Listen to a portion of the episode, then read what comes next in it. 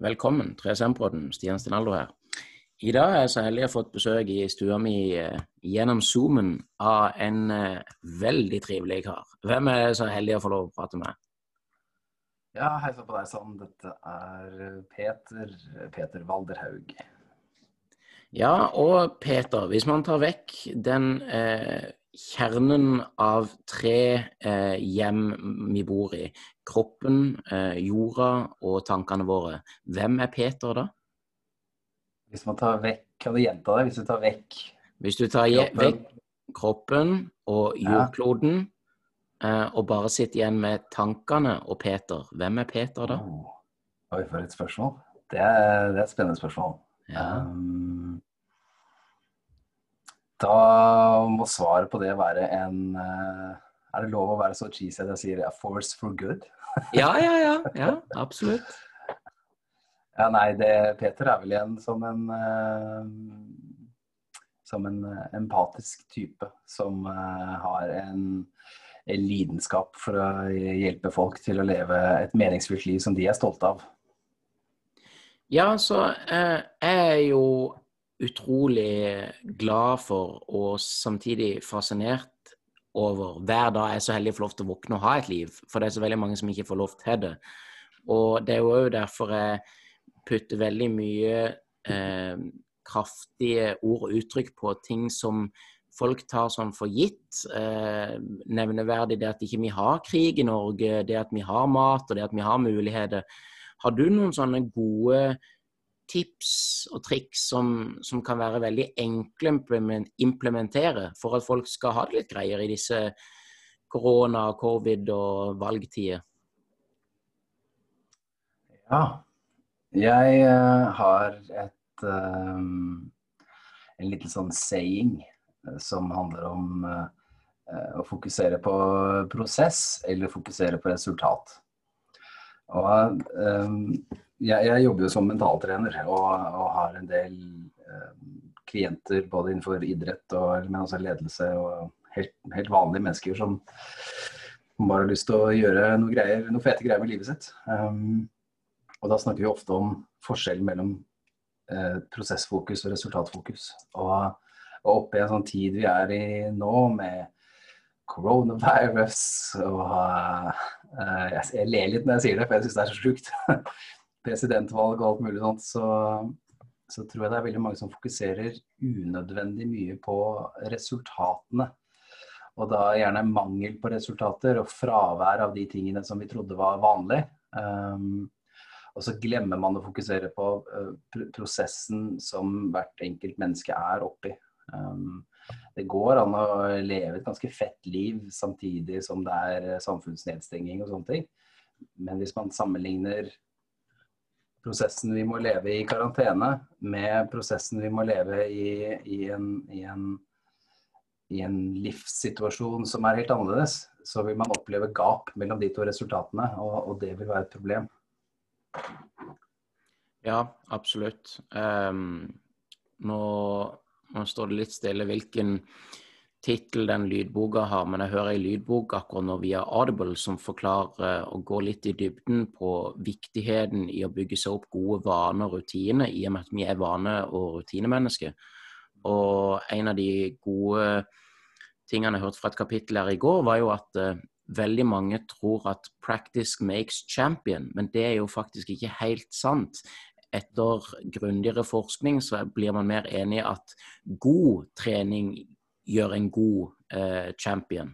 Altså, man, man, må trene riktig, og det tenker jo jeg som Som jeg sier, jeg har jobba med store deler av, av dette og forrige år med meg sjøl i forhold til mine tankemønstre. Fordi at eh, når hvis det kommer inn én negativ tanke i hodet mitt, så automatisk ser jeg rundt meg. Hva er tre ting jeg kan ta automatisk utrolig stor takknemlighetsfølelse for at jeg i det hele tatt har? Eh, og akkurat nå så er det sånn her Ja, jeg har en datamaskin, jeg har en mikrofon, en telefon, jeg kan snakke her. Men først og fremst er det det at jeg har livet mitt, eh, og jeg har meningene mine, og jeg prøver etter beste evne å formulere meg positivt alltid. Mm. Det er en fantastisk egenskap. Det er, eh, det er, en egenskap som eh, jeg tror veldig mange, veldig mange, mennesker har hatt godt av å, å lære litt uh, mer om. Er det den uh, Atomic Habits du hører på nå, eller? Nei, den er jeg ferdig med. James Clear. Ja. Den er kjempegod. Uh, men det, dette er en Hva er det den heter for noe? Det kan vi finne, finne ut av. Den går i dybden på The Craving Mind av Judson Brewer. From cigarettes to smartphone to love. Why we get hooked and how we can break bad habits. Spennende. Veldig Nå har jeg en ubrukt eh, credit på, på Audible og leter etter neste bok, så det kanskje det blir den. Ja, ja, ja. ja. Når jeg, når jeg sier, eh, når jeg sier eh, Hvordan er du blitt så fysisk sterk, Peter? Hva sier du da? Uh, tenker du sånn rent sånn, sånn guns? Eller tenker du uh, uh, brains og guns? Ja, nei, altså, jeg pleier ofte å resonnere meg til å si at fysisk styrke er hvordan du beveger deg fysisk i ditt fysiske legeme. Psykisk styrke er hvordan du håndterer tankene dine og ting som er rundt Ja. deg. Sosialt er hvordan du håndterer det å være med andre. Mm. Ja, det er, et er fin, eh, skille. Da opererer vi med det. Um, jeg tror at eh, mye av min fysiske styrke kommer fra uh, det har vært en ganske tung kar. Uh, så at jeg alltid drassa rundt på mye og vært eh, eh, nesten litt manisk opptatt av at jeg har lyst til å fortsatt klare å, å bevege kroppen min smidig. Så det er vel det. Er vel det. Tok jeg noen blodprøver en gang og fant ut at jeg har litt høyere testosteronnivå enn enn, eh, enn det som er gjennomsnittlig. Så det kan jo, det kan jo hende at det er med på å påvirke det også. Ja, eh, absolutt. Eh, og jeg tenker jo Hvordan er det da blitt så sterk mentalt, eller hva var det som gikk deg til å ville gå inn på eh, NLP og, og coaching, eh, Stien? Ja. Uh, vil du ha den ekte ufiltrerte sannheten bak det, eller? Ja, det står du helt fritt til å velge sjøl, det. I 2013 så ble jeg utsatt for Eller fikk, fikk lov til å oppleve blind vold på, på gata. Um, hvor det kom uh, tre, tre karer og knuste et par flasker i huet mitt. Og, og slo meg gjentatte ganger i ansiktet. Um, helt uh, uprovosert.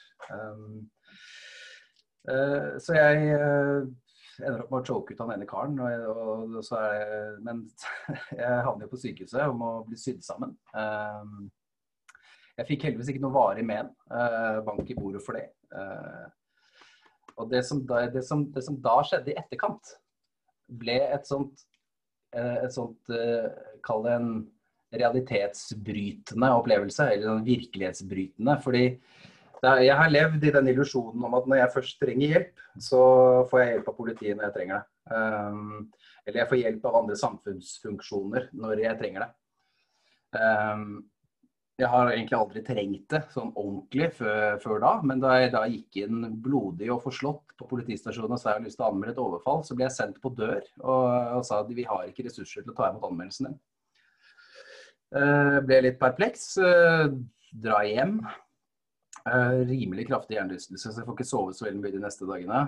Kommer tilbake dagen etter til politistasjonen, forsøker å anmelde det enda en gang. Blir nok en gang sendt på dør. Og uh, med samme begrunnelse. Har ikke ressurser til å ta imot anmeldelsen din i dag. Jeg kommer tilbake tredje gangen, og da er det en bekjent av meg som står i resepsjonen nede på Oslo, Oslo politidistrikt der. Um, um, og da ser jeg ja, Peter, hva har skjedd med deg? Uh, kom bak her, du, så skal jeg ta imot anmeldelsene. Um, saken ble selvfølgelig henlagt, selv om de hadde overvåkningsvideoer og sånne ting. Og det som da skjedde, det ble en sånn, herre, en sånn twist i, i, hodet mitt på at OK, hva er det jeg egentlig kan forvente av det rundt meg? Hva er det jeg må ta ansvar for selv? Um, og da starta uh, jeg, har, jeg har jo alltid, så lenge jeg kan huske, vært nysgjerrig og interessert i psykologi. Men akkurat da så starta det et sånn skifte i mitt liv hvor jeg var nødt til å utforske ting litt dypere. Så året etter um, tok jeg mitt første NLP-kurs og uh, ble møtt med av en, av en smilende NLP-trener som sier sånn Ja, du vet det, Peter. Enhver handling har en positiv intensjon. Og jeg skjønner, hva, hva, hva er det du snakker om? Det er ikke noe positivt med å bli overfalt. Og bare Det var ikke det jeg sa. Enhver handling har en positiv intensjon. Og jeg sier ja, men hva i alle dager er som er positivt med at det er tre dudes som lapper til meg med to Carlsberg-flasker, liksom? Det er ikke noe positivt med det. Nei, det kan du sitte her og vente, og så kan du sitte og reflektere rundt det. Så går vi andre og spiser lunsj. Så de andre gikk og spiste lunsj. Eh, de kom tilbake, og jeg sitter der og bare sånn Hva faen, det er ikke noe positivt med mm. Han sa intensjon. Så det handler om dem. Hvorfor har de lyst til å angripe meg? Jo, det ligger litt i ordets betydning. Lyst. Og hvis man har lyst til noe, så er det en positiv intensjon. Så den historien eh, som jeg hadde begynt å lage i mitt eget hode om hvorfor dette her skjedde, og jeg tenkte at jeg var et offer og alt mulig sånne ting, så klarte jeg på en eller annen merkelig måte å snu den historien til å tenke at jeg var hovedpersonen i deres eget lystbetonte eventyr. På at de tre gjerningsmennene var ute på 17. mai midt på, midt på dagen og hadde lyst til å gå og skade noen. Og så så de ut meg, og så tenkte jeg jøss, han her han her er en fet, utfordrende greie for oss. Så fra å ha fortalt meg selv en historie om at å nei, å, det var off, og politiet svikta og bla, bla, bla, så, så, så vrei jeg det om til å være sånn derre mm, Det er jeg. Altså, de, de, det var meg de valgte å prøve seg på. Det er ganske fett. Og jeg sto på beina, de fikk meg ikke i bakken. og liksom, Jeg begynte å omprogrammere historien min. Og så merker jeg at kroppsspråket mitt endret seg. Hele interndialogen endret seg. Den, den, den, den, begynnende angsten som jeg kjente på, tør jeg egentlig å være ute nå? Tør jeg å være på Aker Brygge og sånne ting? Den bare forsvant. Og så bare endra, endra hele virkelighetsoppfatningen seg. Og, og, og, det var virkelig sånn det begynte sånn profesjonelt. At jeg skjønte at oi, det er mer, eh, det er mer innflytelse av disse historiene vi forteller oss selv enn det vi kanskje tror. Og sånn eh, og så har det bare gått slag i slag derfra. Eh, kjørte videre på NLP practitioner, NLP master practitioner, NLP coach, dro til Statene, NLP trener. Begynte å utdanne folk innenfor NLP. Tok en mastergrad i organisasjonspsykologi. Og, bare er helt uh, oppslukt av de historiene vi forteller oss selv. Ja, jeg vil bare si hjertelig tusen takk, Petter. Det var fantastisk godt uh, svar og en uh, veldig uh, ikke nødvendigvis lysbetont, men en godt betont historie om, om, hvordan den reisen automatisk fikk lyst til å gi et lite tilsvar fra egen historie, hvor jeg reflekterer tilbake når jeg var litt yngre. Og um, jeg hadde da mest sannsynlig gått rundt og slengt litt med leppa om en eller annen person som ikke var så veldig godt likt her jeg bor. Og plutselig så eh, en fredagskveld så satt jeg på en benk der og ble slått ned bakenfra. Og, eh, og jeg husker det kom inn en to-tre slag eller noe i bakhodet, og så snur jeg meg rundt, og så kjenner jeg jo de som slår meg. Og bare liksom Hæ, hvorfor slår dere med? Og så Ja, da hadde de fått i oppdrag å slå meg ned, eller et eller annet. Så, det er, men, men er veldig spennende det du sier i forhold til det er så kraftig hvordan man sjøl velger å fortelle, eh, skripte sin egen historie til seg sjøl når man snakker. Det er jo en av de tingene jeg er blitt mer og mer fascinert av jo mer bøker jeg leser. Blant annet når, Du har sikkert lest han Mark Manson, 'Den edle kunstner i F'. Yes. Eh, som er en fantastisk bok i forhold til som jeg syns gir en veldig godt innblikk i hvordan man kan forholde seg til flere mennesker, men man må likevel forholde seg til seg sjøl og hvordan sine tankemønstre, og hvordan man engasjerer de før man kan engasjere seg blant andre mennesker. Mm. Ja, det er nettopp det. Det er sånn at eh, F.eks. ta sosial angst uh, som et uh, tema. Jeg kjenner godt til det.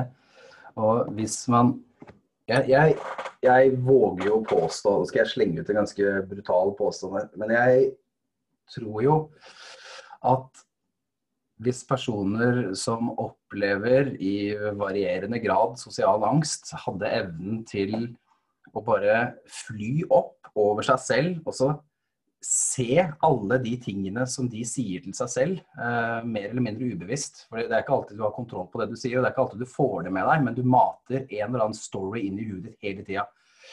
Jeg er rimelig overbevist eh, om at angst er et resultat ikke sant? Resultat og prosess er et resultat av den prosessen eh, som minner deg selv på alle tingene du kan være usikker på som minner deg selv på svakheter, minner deg selv på um, uh, alt som, som, som, du føler deg mindre verdt av.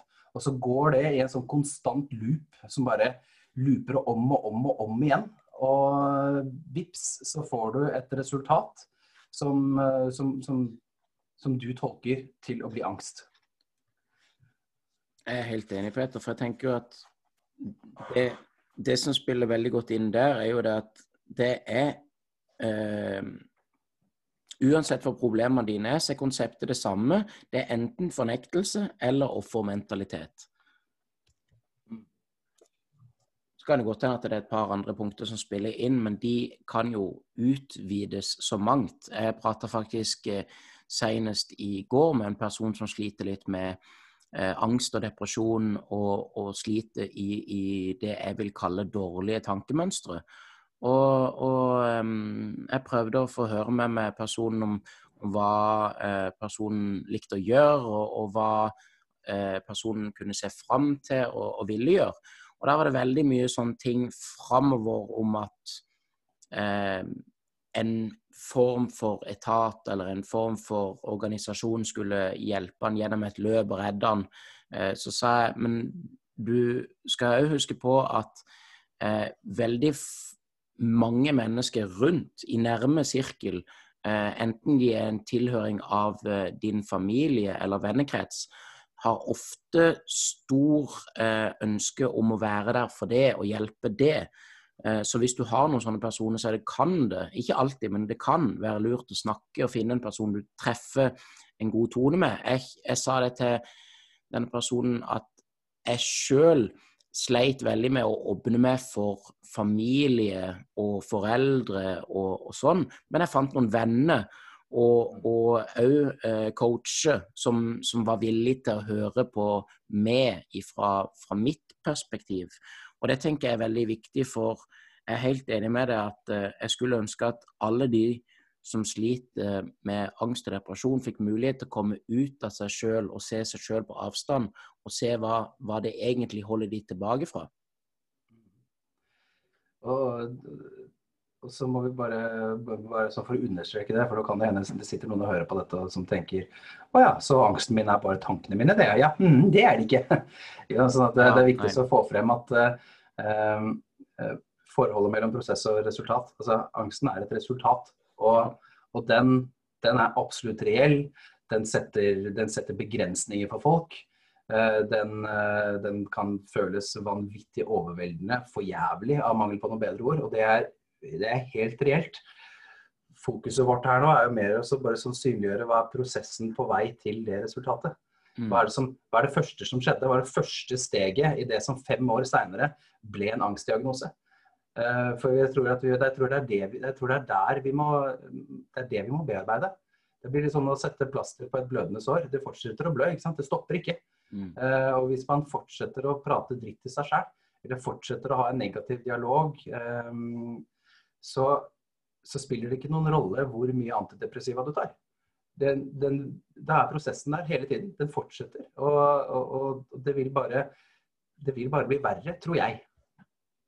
Ja, og jeg setter veldig stor pris på at du sier det, Peter. For det er en god eh, tilbakeball til meg for at en, jeg, jeg poengterer bare hva jeg sjøl har vært gjennom av tankemønstre, og hvordan jeg reflekterer rundt det. Og det er klart det at eh, når, når man ser på jeg tenker i hvert fall at når man ser på våre tre hjem, som er tankene våre, kroppen vår og jorda vår, eh, så er jo en av de tingene jeg ofte liker å si, er at verden går bedre og bedre. Vi har aldri hatt det bedre, men vi har òg aldri hatt så mye informasjon rett i fingrene eh, så raskt, eh, så mye som vi har nå i dag. Så det er jo klart at med, med den stadig raskere verden og raskere fair of missing out og social media outlets og alt det der. Hvordan ser du på de eh, psykiske påkjenningene korona og covid har på, på Norge som et samfunn? Mm. Um, jeg tror det er viktig Jeg tror vi må dele korona og covid opp i to to deler. Du har den ene delen som er den faktiske sykdommen, og hvordan den påvirker mennesker. Det er den ene delen. Um, og den andre delen er informasjonen vi mottar om covid og korona. Uh, og det er den andre delen som jeg har lyst til å si noe om først. For vi, det er, så, det er helt riktig som du sier at vi blir fora med vanvittig mye informasjon. Og, um, og da tror jeg det er viktig det er viktig at folk blir klar over at eh, nettsider som Dagbladet, VG eh, det, De er en bedrift. De de, er, de er eiet av et aksjeselskap. Og det aksjeselskapet har aksjonærer. Og de aksjonærene forventer return on invest, og de forventer at investeringen sin skal gi avkastning. Derfor er eh, nettsider som VG og Dagbladet, Aftenposten, eh, som er kontrollert av et aksjeselskap, de er avhengig av å generere klikk. For å generere klikk så er det eh, en, en nøye psykologisk gjennomtenkt prosess bak hva skal overskriftene våre være? Hva selger? Selger positive nyheter? Eller selger angstinduserende nyheter om hva kanskje vi går glipp av nå. Det er det siste som selger mest. Det er det siste som skaper mest klikk. Og derfor er det den type informasjonen som eh, nettsider eh, som hevder å eh, fremstille nyheter, eh, presenterer. Og da er vi tilbake til den første biten igjen. Eh, den første delen av korona, den selve sykdommen, som svært mange mennesker får, som uh, noen mennesker får svært alvorlige komplikasjoner og følger fra, og som den største andelen av mennesker ikke nødvendigvis får så mye komplikasjoner og følger av. Men når vi kombinerer disse to, så, så, så blir Medie-Norge en slags Kall det en angstinduserende kanal uh, for Uh, oh, hva skjer nå? Hallo? Og så går du inn og klikker. Og så tror jeg at vi blir mer stressa og mer slitne av alt rundt, og ikke nødvendigvis sykdommen i seg selv. Ja, eh, ja jeg syns det var et veldig godt svar, eh, Petter. Jeg syns at eh, jeg, jeg, tenker jo kanskje at et av de eneste tilskuddene av informasjon på det du sa jeg hadde lyst til å si der, var egentlig det at jeg skulle ønske folk ble mer kildekritiske. Uansett hvor de leste, og uansett hva de hørte, eller hvem de fikk informasjonen fra. Om det er meg, om det er det, om det er andre. Gjerne sjekk det opp. Eh, om det er VG, Dagbladet, Nettavisen, Resett. Det er ikke noe å si hvor det er. Sjekk det opp opp mot noen andre, syns jeg. Altså, kildekritikk er mangelvare, føler jeg. Mm. Um, og nå kommer et av de Før vi går videre til neste spørsmål, kan jeg ikke bare legge til én ting på det, det, første her. Mm.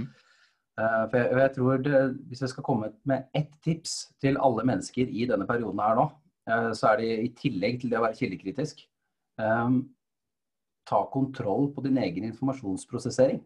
Bestemme deg for hvem er jeg nå? Altså ikke jeg, men du. Hvem er du nå, og hva har du lyst til å utsette deg for av informasjon? Hvordan ønsker du å programmere deg selv videre? Vil du programmere deg selv inn i masse frykt? Ja, da kan du godt fortsette å lese massemedia.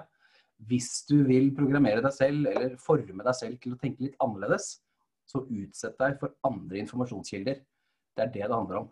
Så vær kritisk på hvilken informasjon du utsetter deg selv for.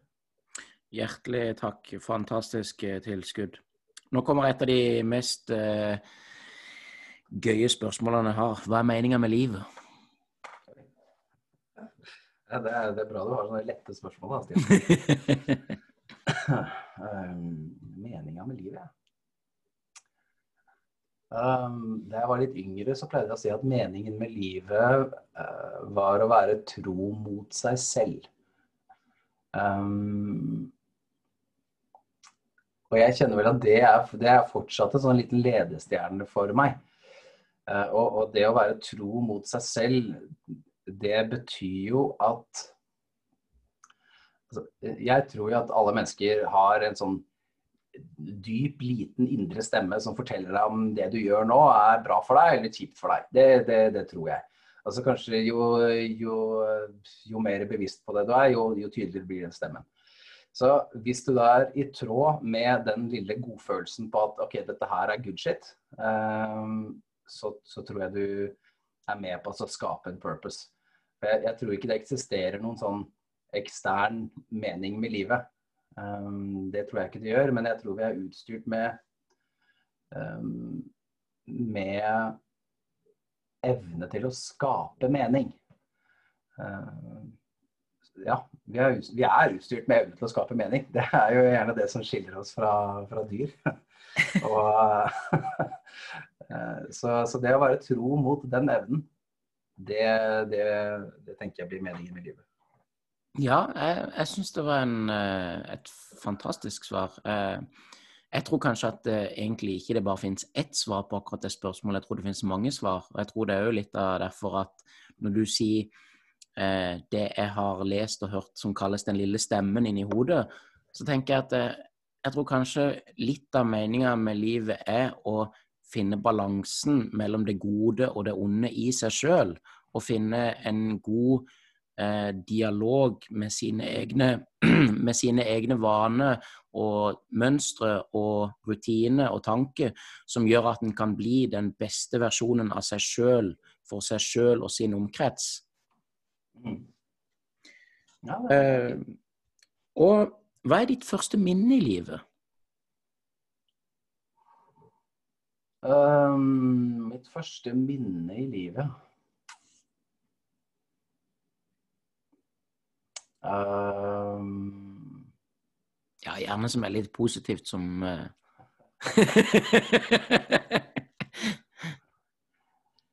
uh, Nei, si det. Uh, det dukker opp masse forskjellige bilder i huet mitt nå, men det um, Et av de første minnene, det hmm. Kanskje det er noe sånn lek med ball, eller? Ja, kanskje, kanskje det er det. Jeg er ikke, jeg er ikke helt sikker. Eh, jeg har en del minner fra barnehagen eh, hvor jeg drev og klatra i trær og, og, og, sånne ting. Eh, så det er vel nede i to-treårsalderen. Ah, god stemning. Så, så jeg, tror ikke det, jeg tror ikke jeg husker noe tidligere enn det.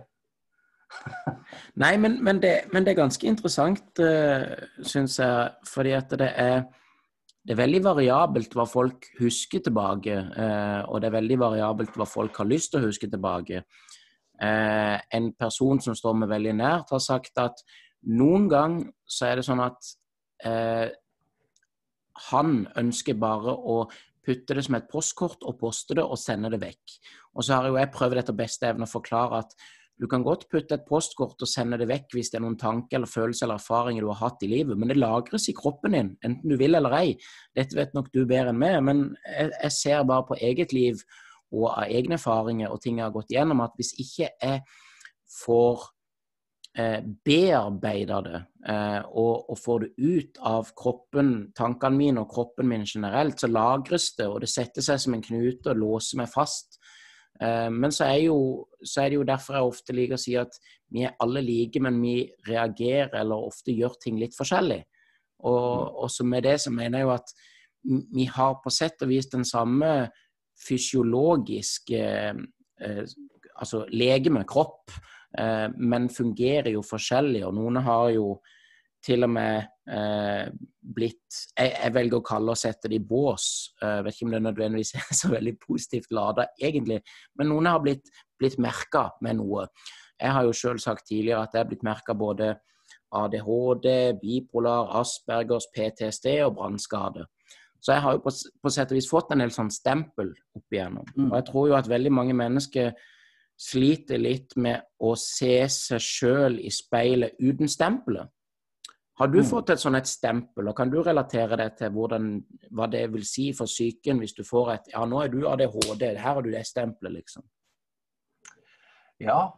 Uh, jeg fikk en, uh, jeg fikk en ADHD-diagnose selv jeg, i voksen alder. Um, og og da, ble jeg liksom sittende og tenke. Eh, for hva, eh, hva, er den stereotypiske ADHD-karen? Eh, og det er jo utagerende, voldsom, sint, vanskelig å kontrollere temperamentet sitt, konsentrasjonsproblemer.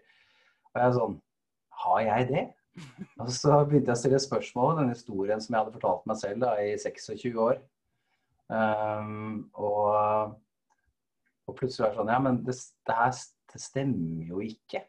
Det, det, er, er, rart. Um, så, så, det er jo min, min, opplevelse med det. Heldigvis så hadde jeg Da jeg fikk den diagnosen, så hadde jeg fått uh, Da hadde jeg jobbet så mye med, med psyken og og psykologi generelt. At, så for meg så satte det Det var ikke noe endringer i historien min det var eh, en del sånn forklaringer på ok, det er kanskje derfor jeg reagerer sånn i de situasjonene. Det er fett, da kan jeg gjøre noe med det.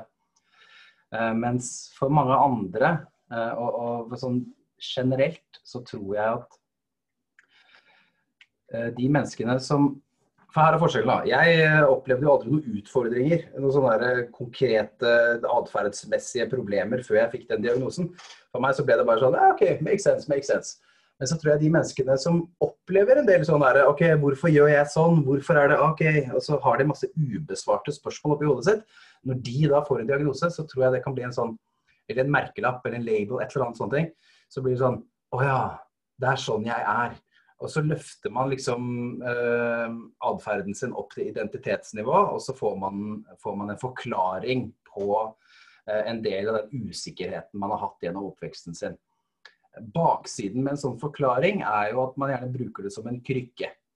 Og når jeg har uh, klienter uh, og vi snakker om identitet og vi snakker om diagnoser, labels og sånne ting, så, sy syns jeg det er litt artig. For, for, for, det er de som Jeg opplever det blir en generalisering her, men det må vi gjøre, for vi har ikke 100 år å snakke om dette her. Men jeg opplever at de som har en diagnose, er samtidig de, de, de samme menneskene som, som, forsvarer den diagnosen med hud og hår. Altså.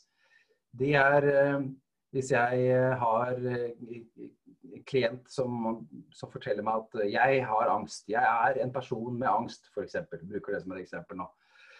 Og så kommer jeg med noen innspill på hvordan tenke fremover. Nei, det kan jeg ikke gjøre fordi jeg har angst, jeg, vet du. Å oh ja, det sier du som en sånn supertriviell setning. Du, jeg kan ikke sette meg mål fremover, fordi da blir jeg så nervøs, og jeg, så jeg har angst, jeg, vet du. Det må, det må, jeg huske. Ja, stemmer. Det, det, det må jeg huske. Uh, OK. Jeg har også hatt klienter som har hatt sånn eh, ME, kronisk utmattelsessyndrom. Og så har det vært sånn Ja, hvordan skal vi tenke fremover? Nei, jeg kan ikke tenke fremover, fordi eh, da blir jeg så sliten. Og det er sånn OK, du sier det til meg. Hva er det du sier til deg selv da? Hvor er, det den, hvor er det den interndialogen starter? Når er det du minner deg selv på at du blir så sliten? Når er det du minner deg selv på at du skal trigge din egen angst? Når er det Hvor i denne prosessen her er det vi må ta tak for å starte å endre interndialogene, sånn at resultatet blir annerledes? Og når, Med en gang du får en label, en diagnose, en merkelapp, så blir det en forklarende, en oppklarende funksjon i livet ditt som, som, som, liksom, som, blir en trygghet. Og når du da skal gå i terapi eller et eller annet sånt for å prøve å bli kvitt det, så er det sånn Det er ikke bare å bli kvitt det. Da må du først gå gjennom et par andre steg. Så du må først tørre å gi slipp på den diagnosen. Og så må du tørre å omfavne usikkerheten som det medfører seg. Og så kan du bruke, begynne på den der helbredende reisen, eh, hvis du bruker de orda. Men eh, jeg opplever at det er for mye fokus på bare prøve å fikse et resultat uten å jobbe med prosessen bak. Og det tror jeg sånne diagnoser og labels er med på å gjøre. oss. Jeg tror jo at eh, folk eh, med det vi kaller ADHD i dag, jeg tror jo personlig at det var de samme personene som for 10 000 år siden løp først i flokken hadde ekstra, ekstra mye boost. Fant eh, byttedyr som resten av jegerne skulle holde på med. Det er den historien jeg forteller meg selv. Eh, og Derfor kan jeg bruke det som en positiv ressurs. Det å tenke at eh, det er, ikke, det er ikke sånn at man skal være utagerende. Hva ligger bak en utagerende stil? Jo, kanskje masse energi. Og masse good times, og så blir du tvunget inn i et visst system for å oppføre deg på sånn eller sånn eller sånn. Da er det ikke så rart at det blir utagerende til slutt. Det er ikke så rart at resultatet er eh, noe som er litt mindre hensiktsmessig for en A4-situasjon. Hvis du har lyst til å være eh, ute og løpe og jakte bison, så er, passer det så er jævlig dårlig å sitte og lese Ibsen. ja, nei, jeg syns det var helt fantastisk svar, Peter. Jeg tenker jo å, å, koble den litt inn i det som eh, jeg har eh, overhørt noen liksom sagt Ja, så, eh, han der Stian Stinallo har så mye energi, han er liksom all over the place. og det er sånn der, eh, Men jeg tenker viktigheten i Eh, meditasjon, i hvert fall i mitt eget eh, liv, ser jeg som enormt viktig. Både for å få kontroll på mine egne tankemønstre, mine egne dager og mine rutiner og vaner. Kan du fortelle litt Jeg elsker det sitatet du sjøl har lagt på eh, i forhold til meditasjon og bevegelse. Eh, for jeg tenker veldig mange mennesker ja, men jeg har prøvd det, sitte stille, jeg klarer ikke, jeg bare må tanke. Så tenker jeg ja, men du vet at det finnes walking meditation, du vet at det finnes treningsmeditasjon. Det finnes så mye form for meditasjon. Og, og av alt du på sett og vis sa ifra labels, så tenker jeg jo at det å få en label er for noen en slags ekstra ring på en komfortsoneboble som gjør at å, nå kan jeg få det enda mer komfortabelt, for nå har jeg fått den diagnosen og det trykket. Så jeg tenker jo viktigheten i å ikke la noe et stempel eller en diagnose eller en utredning bli for mye påvirka av deg sjøl, har vel gjerne hvordan du mediterer eller trener og sånn. Um, ja eh, jeg, Hvis man skal si sånn at trening og meditasjon bygger opp en slags ro trygghet og, og sentrering rundt seg selv, um, så vil jeg vel si at um, fysisk og psykisk avbalansering av gjennom um, og, og, sentreringsteknikker som du som individ foretar for deg selv. det kan godt hende at Det er jo bare en vill påstand igjen. Men det kan godt hende at personer som som får en label, en diagnose, en merkelapp, um, prioriterer den og bruker den diagnosen som en forklaring på hvorfor de ikke nødvendigvis trenger å gjøre disse uh, mentale og fysiske sentreringsteknikkene. Uh, da, da, tror jeg jo at hvis man som en relativt velsentrert person som har brukt mye tid på å uh, trene, brukt mye tid på å reflektere. Hvem er jeg, hva står jeg for? Jeg tror det er mye enklere å deale med en diagnose eller en label hvis du føler deg ganske grei skuring på hvem du er. Uh, men hvis, hvis, uh, hvis, ditt indre er et komplett kaos, da uh, Det er ikke sikkert du vet at det er et komplett kaos engang. Uh, Eh, da vil nok denne diagnosen eh, bli en slags Jeg har lyst til å si krykke, men, jeg, men, men samtidig så er det jo ikke en krykke. Men, men det blir en såpass sterk identitetsforklarer eh, og, og, som, som, som, som, begrenser en del av de tingene som du føler at uh, du kan gjøre selv. For uh, jeg har jo dette, jeg har jo X, jeg har jo Y, så det betyr at jeg ikke kan. Og så bruker man det som forklarende uh, slash begrensende um, historie for, for, sitt eget potensial. Helt enig, Peter. Jeg tror jeg ville lagt til altså sagt, jeg ville kanskje kalt det ekstra bagasje. Unødvendig bagasje. Hvordan da, tenker du? Nei, Som en ekstra ryggsekk eller en ekstra vekt. Å, dra seg med seg rundt på. Uh, hvis en lar uh, labelet eller uh, indikasjonen av det en har gått gjennom, eller diagnosen en har, eller hvis en lar det prege seg for mye, så blir det som ekstra vekt å drasse rundt på. Hvis en ikke ja, sånn, finner sin egen identitet. Ja, hvis man lar den prege seg for mye. Ja. Hvis man bruker den som en forklaring for uh, all, alle, alt det man ikke har hatt lyst til å gjøre. Og så tenker man at da trenger jeg ikke gjøre det pga. det. Uh, og så, så, tror jeg det også er viktig å, å, understreke det at for veldig mange så kan en diagnose være, um, uh, være akkurat det de trenger for å klare å få mer ut av potensialet sitt. Fordi For noen som opplever seg utenfor normalen, eller opplever at uh, de ikke helt passer inn, eller et eller annet sånt, og så plutselig så kanskje de får en Aspergers diagnose, eller et eller annet sånt. Uh, og så er det sånn Å ja, this makes sense. Mm. Og så plutselig så bare faller alle puslespillbrikkene på plass. Og så klarer de da derfra pga. diagnosen, så klarer de å bygge opp et liv som de er dritfornøyd med. For da vet de hvilke snarveier de skal ta, de vet hvilke omveier de ikke kan ta osv. Så, videre, og så, videre.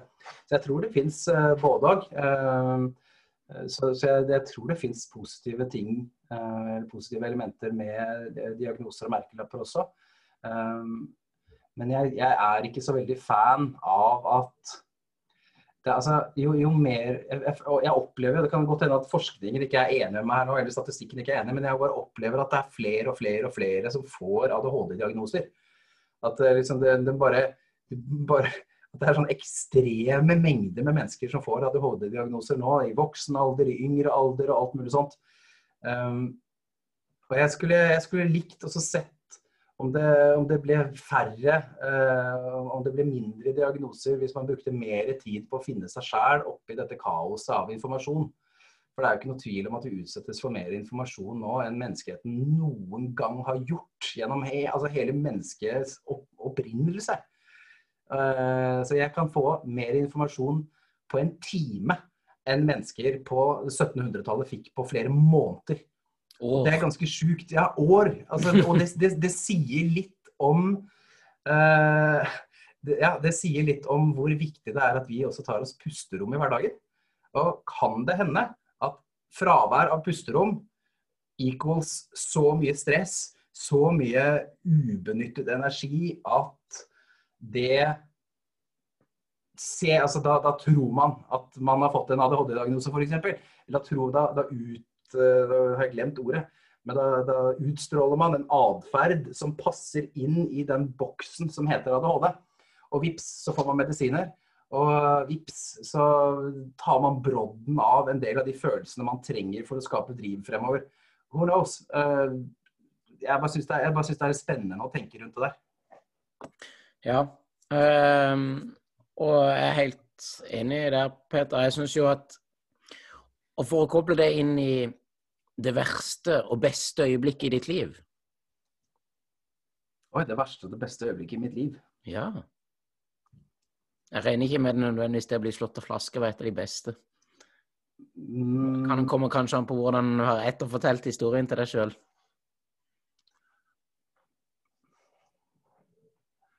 Man skulle tro at det å bli slått med flasker ikke var et av de beste. Um, for det var også et av de verste. Den fortvilelsen jeg følte på da politiet, politiet sendte meg hjem for andre gang eh, og kunne ikke ta imot anmeldelsen min.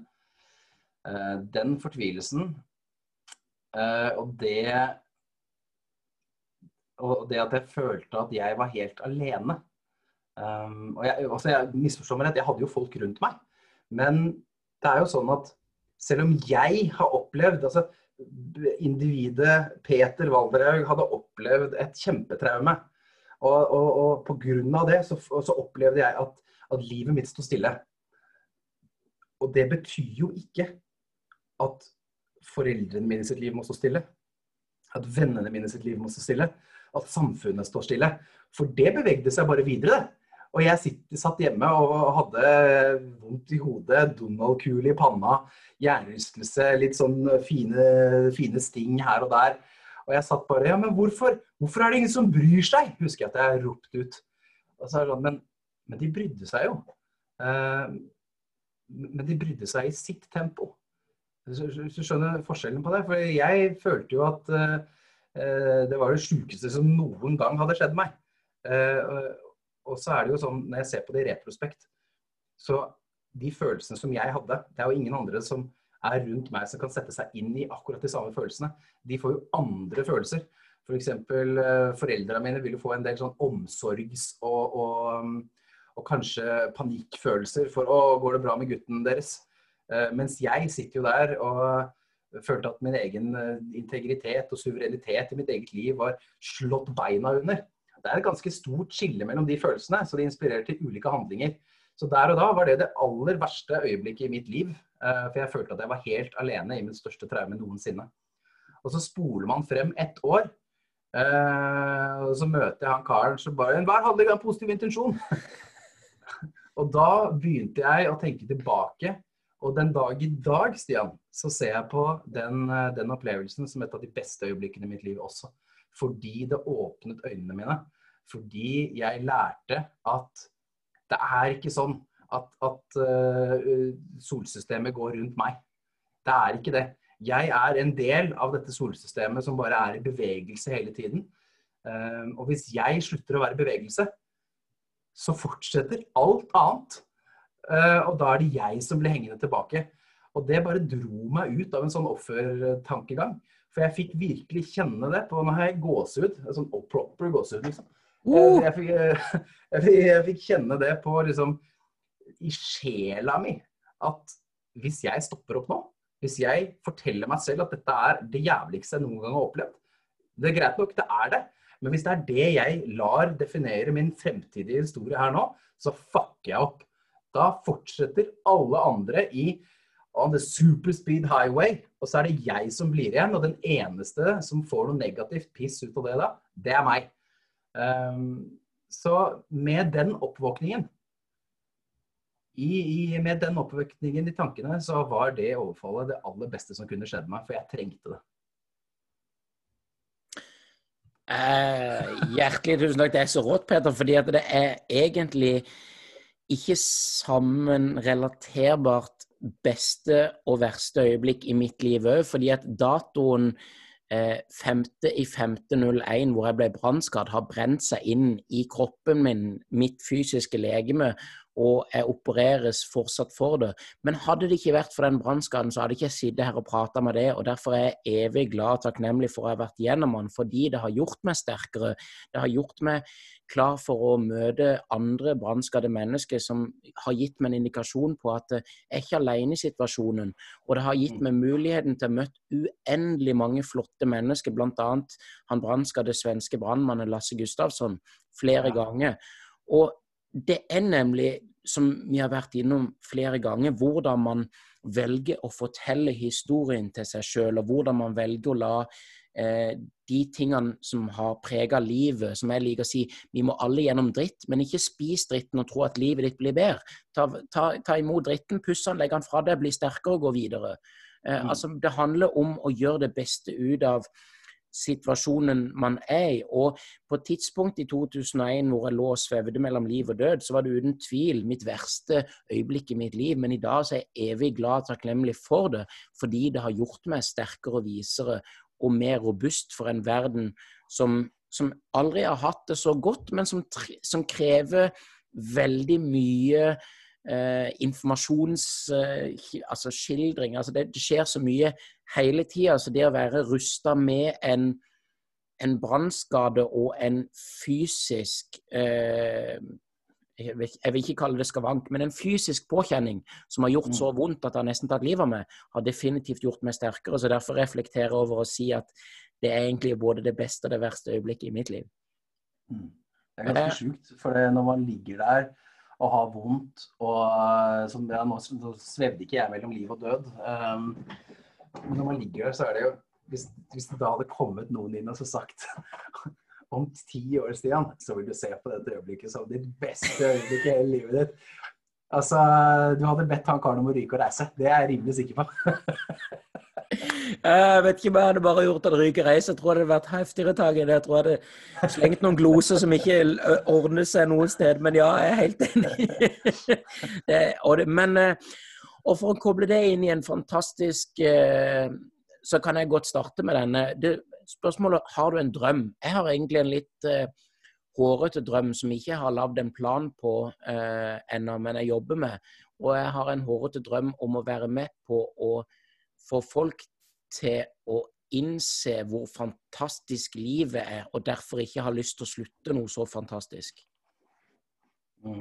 For, gjøre, for, for, egentlig så handler jo veldig mye om hvordan man både ordlegger seg positivt ut i universet, og hvordan man sjøl velger å formulere seg. Ergo så gikk jeg nå fra å si at jeg vil at folk skal bli glad i livet, eh, istedenfor å si være med å eh, slutte eller kutte selvmordsstatistikken. For det blir litt det blir litt annerledes lagt igjen eh, i formuleringa. Men jeg har veldig lyst til å være en bit som kan være med for å vise eh, det, fantastiske med livet, selv om det er både oppturer og nedturer i livet.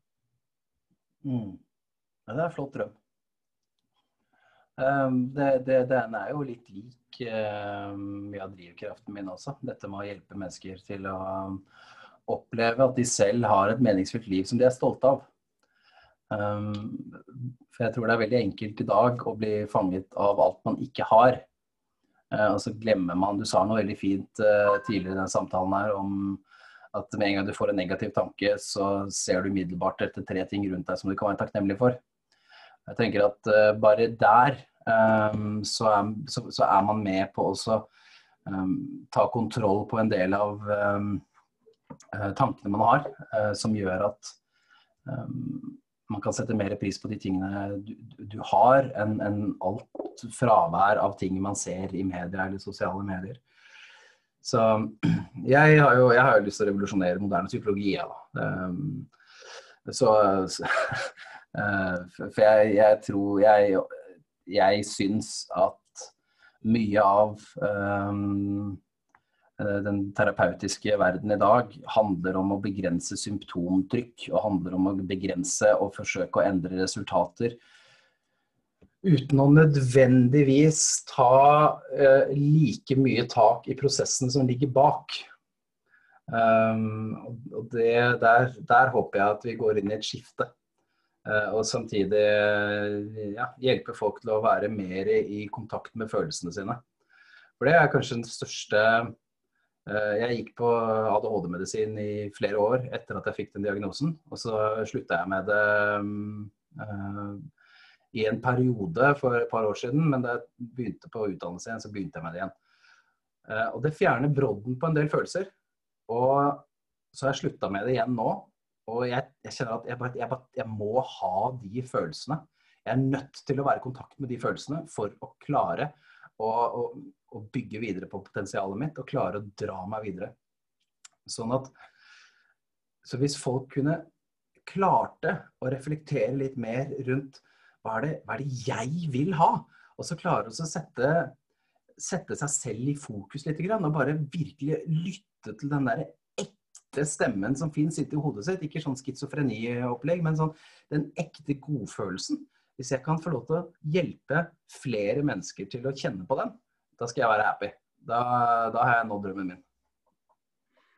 Det er helt uh, fantastisk. Um, hva, du, hva, er det beste du har hørt og lært i livet? Det beste jeg har hørt og lært i livet, ja. Um, um, jeg tror det må være noe sånn her eh, Sokrates-opplegg altså, om at uh, om at det eneste jeg vet, er at jeg ikke vet noen ting. Um, for da jeg var litt yngre, så var jeg ganske overbevist om at jeg var utlært. Eh, sånn 23 år gammel. Jeg vet alt! Det, det er veldig flink. Det, det drev jeg og sa. Og jeg skjønte ikke hvorfor folk var kritiske til det. Det skjønner jeg det. Ti år senere så skjønner jeg det. Beklager til alle jeg var cocky mot. Jeg skjønner det i dag. Sånn at jeg tror nok at det å, det å omfavne nysgjerrighet og omfavne muligheten til at jeg kan ta feil. Uh, selv om jeg tror jeg har rett. Um, det, det, det, tror, føler jeg er min lille superpower. For da kan jeg være påståelig, samtidig som jeg kan faktisk være sånn Å ja, kult. Hva, hva mener du om det?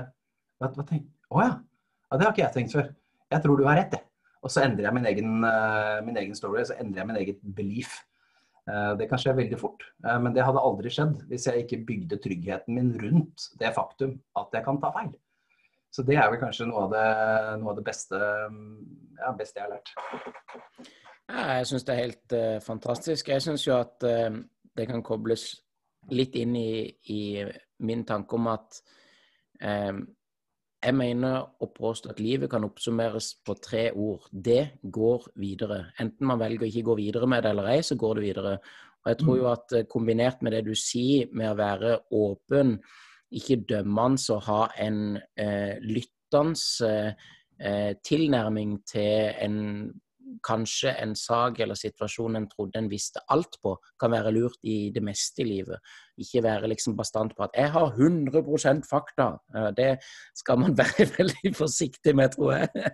Eh, har du noen gode og dårlige rutiner sånn daglig? Eh, jeg har en del gode rutiner. Jeg kjører, tar pushups hver morgen. Eh, for å få til det, så er jeg nødt til å tilrettelegge dagen før. Og hvis jeg da ikke har lyst til å ta pushups, så klarer jeg å minne meg selv på at jeg har jo allerede tilrettelagt. Så, og da handler det ikke om pushupen. Da handler det om om jeg, om jeg, vil være han karen som kaster bort tida mi. For da har jeg allerede brukt tiden min dagen før. Uh, og det, det syns jeg er litt kult. Uh, så det er og så har jeg meditasjonsrutine. Jeg driver med noe som heter transcendental meditasjon. Jeg gjør det to til tre ganger daglig. 20 eh, minutter hver gang. Um, og dårlige rutiner. Jeg, jeg, har en tendens til å prokrastinere litt vel mye. Uh, jeg, jeg, er ikke så flink til å sette deadlines til meg selv. Så derfor er jeg en veldig god teamplayer. Hvis andre gir meg en deadline, da leverer jeg. Men uh, når jeg skal sette deadlines til bare meg, så er det sånn Ja, men yes. Så det er, det er, litt sånn dårlig, dårlig greie, da. Og, og um, om um, denne her siste her, jeg lurer litt på om den kanskje kan gjøres om til norsk eh, Nei, norsk-engelsk, sier jeg. Og det er Er du en flow-setter eller en goal-getter? Å oh, ja. Um, hva tenker du da om jeg, om jeg, flyter inn i ting, eller om jeg bare går gønner på og kjører på, på ting?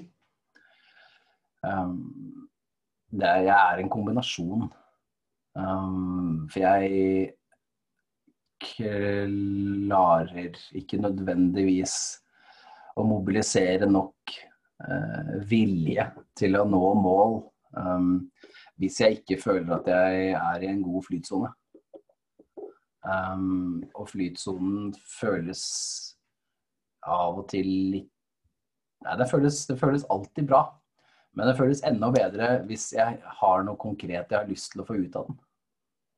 Så ja, en kombinasjon. Ja. Mm. Jeg syns det er veldig flott. Jeg har òg sjøl en, en, kombinasjon av uh, både det å sette meg noen mål, men òg det å eh, jobbe innad eh, for å oppnå flow-staten. fordi det er der jeg eh, ser tilbake på gjennom livet at de beste resultatene er oppnådd. Ehm, jeg tenker jo i, i Jeg vet ikke om det er positivt eller negativt, men jeg ser på det som at det er nok positivt. Men de sier veldig ofte folk generelt i disse tider. Hvor lenge tror du vi må holde på å si sånn 'i disse tider'? Mm. Jeg tror vi må si det til midtveis i 2022. Ja. Det, det tror jeg. Um, og så kan man jo håpe at um, håpe at man, man begynner å si noe annet. for, det, for, jeg opplever at alle disse koronatiltakene og, og, og sånne ting, det, det, omtales som fravær av normalen. Men hvis, hvis, man skal, hvis man skal trekke paralleller til en livsstilsendring, så sier det sånn at en, en, en, en overvektig person f.eks. som har lyst til å gå ned i vekt, må oppleve fravær av en del ting som, som skapte overvekt. Eh, akkurat det samme er i samfunnet. vi eh, har levd på en måte som har vært eh, som en sånn herre uh, fuktig trelist for skjeggkre. altså vi, uh, vi, vi, har levd på en måte som har skapt en nydelig grobunn for et virus. Um, og så må vi inn med tiltak som, er, som, som, bidrar til å leve på en måte som gjør at det viruset ikke har samme type uh, muligheter for vekst. Um, og det, derfor betyr det at i disse tider blir en sånn herre Kall det en metaforisk utopi. fordi det er ikke noe disse tider. Vi har bare tid. Og eh, fram til mars så levde vi på én måte som har skapt et koronaresultat. Og nå er vi nødt til å leve på en annen måte som skaper et annet resultat. Hvis vi har lyst til å leve i et uh, samfunn uten uh, korona. Og jeg vil jo helst leve i et samfunn hvor vi slipper å gå med ansiktsmasker. Hvor vi slipper å holde avstand. Um, hvor vi kan gå og klemme på hverandre, og vi, vi slipper å være utsultet på, på fysisk nærhet. Det vil jeg jo veldig gjerne at vi skal. Og for å komme dit, det blir som å, det må også bli som å spise en veldig kalorirestriktiv eh, diett. For å komme dit så må vi gi avkall på noe. Og Derfor syns jeg det er litt synd at, at uh, media portretterer en del av disse tiltakene som f.eks. straff. Jeg leste i NRK her forleden dag at, uh, at det sto sånn Det er så synd at utelivsbransjen blir straffet. Ja, men er det en straff? Altså, jeg tenker Hvis man skal, hvis man skal se veldig veldig sånn, kall det matematisk eh, på det, så veldig sånn pragmatisk, kan vi si. Veldig pragmatisk. Eh, hva er utelivsbransjen? Utelivsbransjen, eh, da tenker jeg ikke nødvendigvis restauranter, da tenker jeg utesteder. Det er en fasilitator for rus og avkobling. Og gjerne avkobling i kombinasjon med rus. Det er et utested. Du går dit, du ler, du slapper av, du ruser deg. Um, og, og, og det, er, det, er, synd at det går utover den bransjen. Uh, men samtidig så er det jo tross alt den bransjen som fjerner folk fra en del av sin egen virkelighet som gir dem et pusterom, som gir dem en escape. Og hvis man skal endre noe, om det er en endringsprosess i en organisasjon, eller om det er en livsstilsendring, eller om det er det vi er oppe i nå, en samfunnsendring.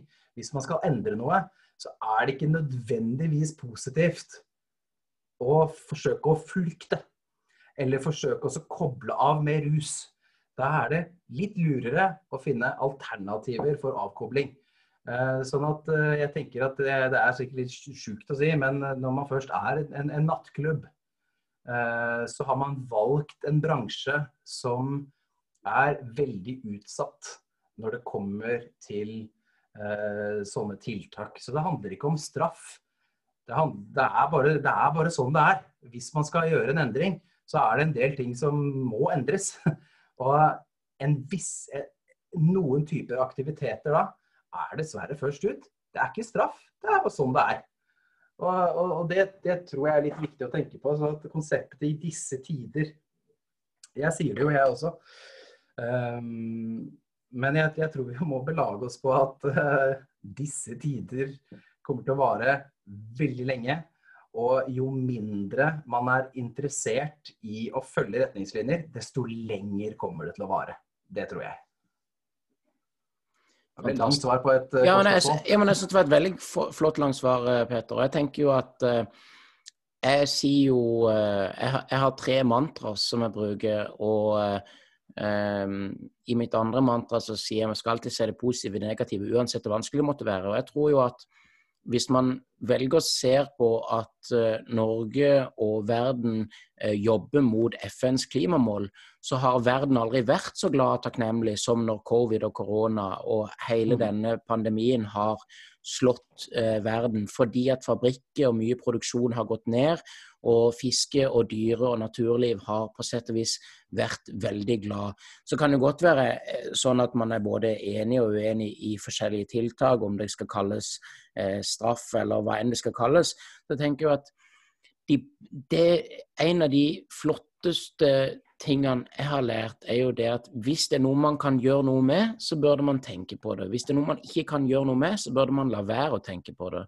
Og jeg mm. tenker jo at veldig mye av det kommer til enten det er restriksjoner eller det er såkalte straff, eller hva enn det er for noe, så må man prøve, syns i hvert fall jeg da, min personlige mening å si er at man burde ta litt avstand, ta et steg tilbake, observere og se ok, er dette noe jeg kan gjøre noe med?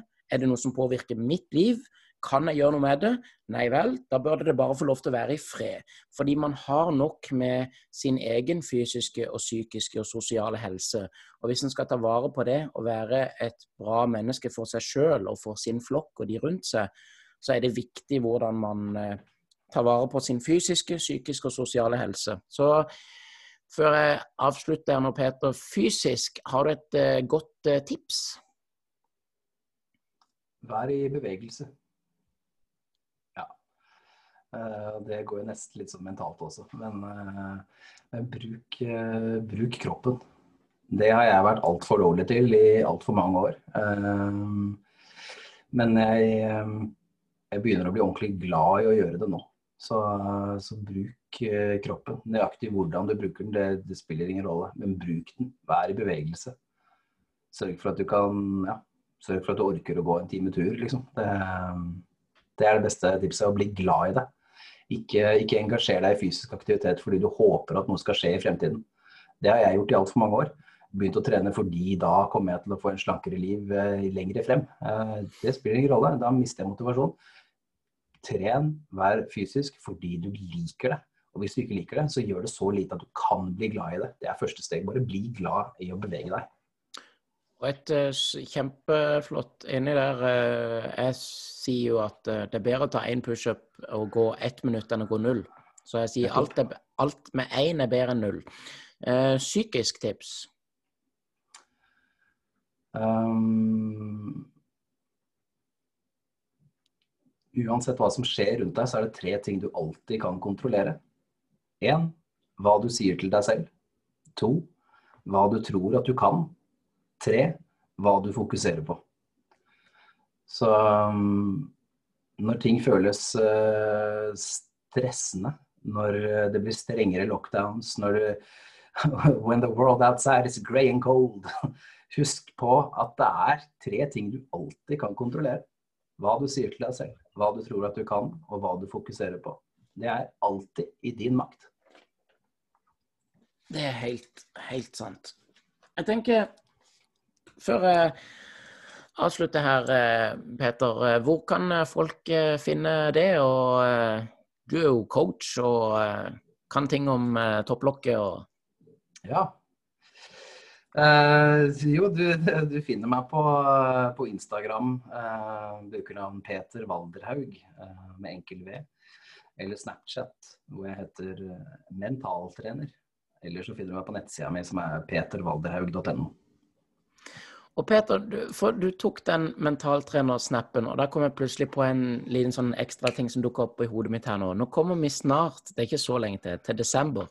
Skal det være ja. en sånn julekalender i år? Eh, den, den, var, den, var, virkelig god stemning. Ja, kanskje det blir det. Jeg tenkte på det før i dag. Så det, det kan hende det blir en liten julekalender. Eh, om det blir på Snap eller om det blir på Instagram, det har jeg ikke bestemt meg for ennå. Men eh, jeg skal prøve å få til det. Kjempegod stemning.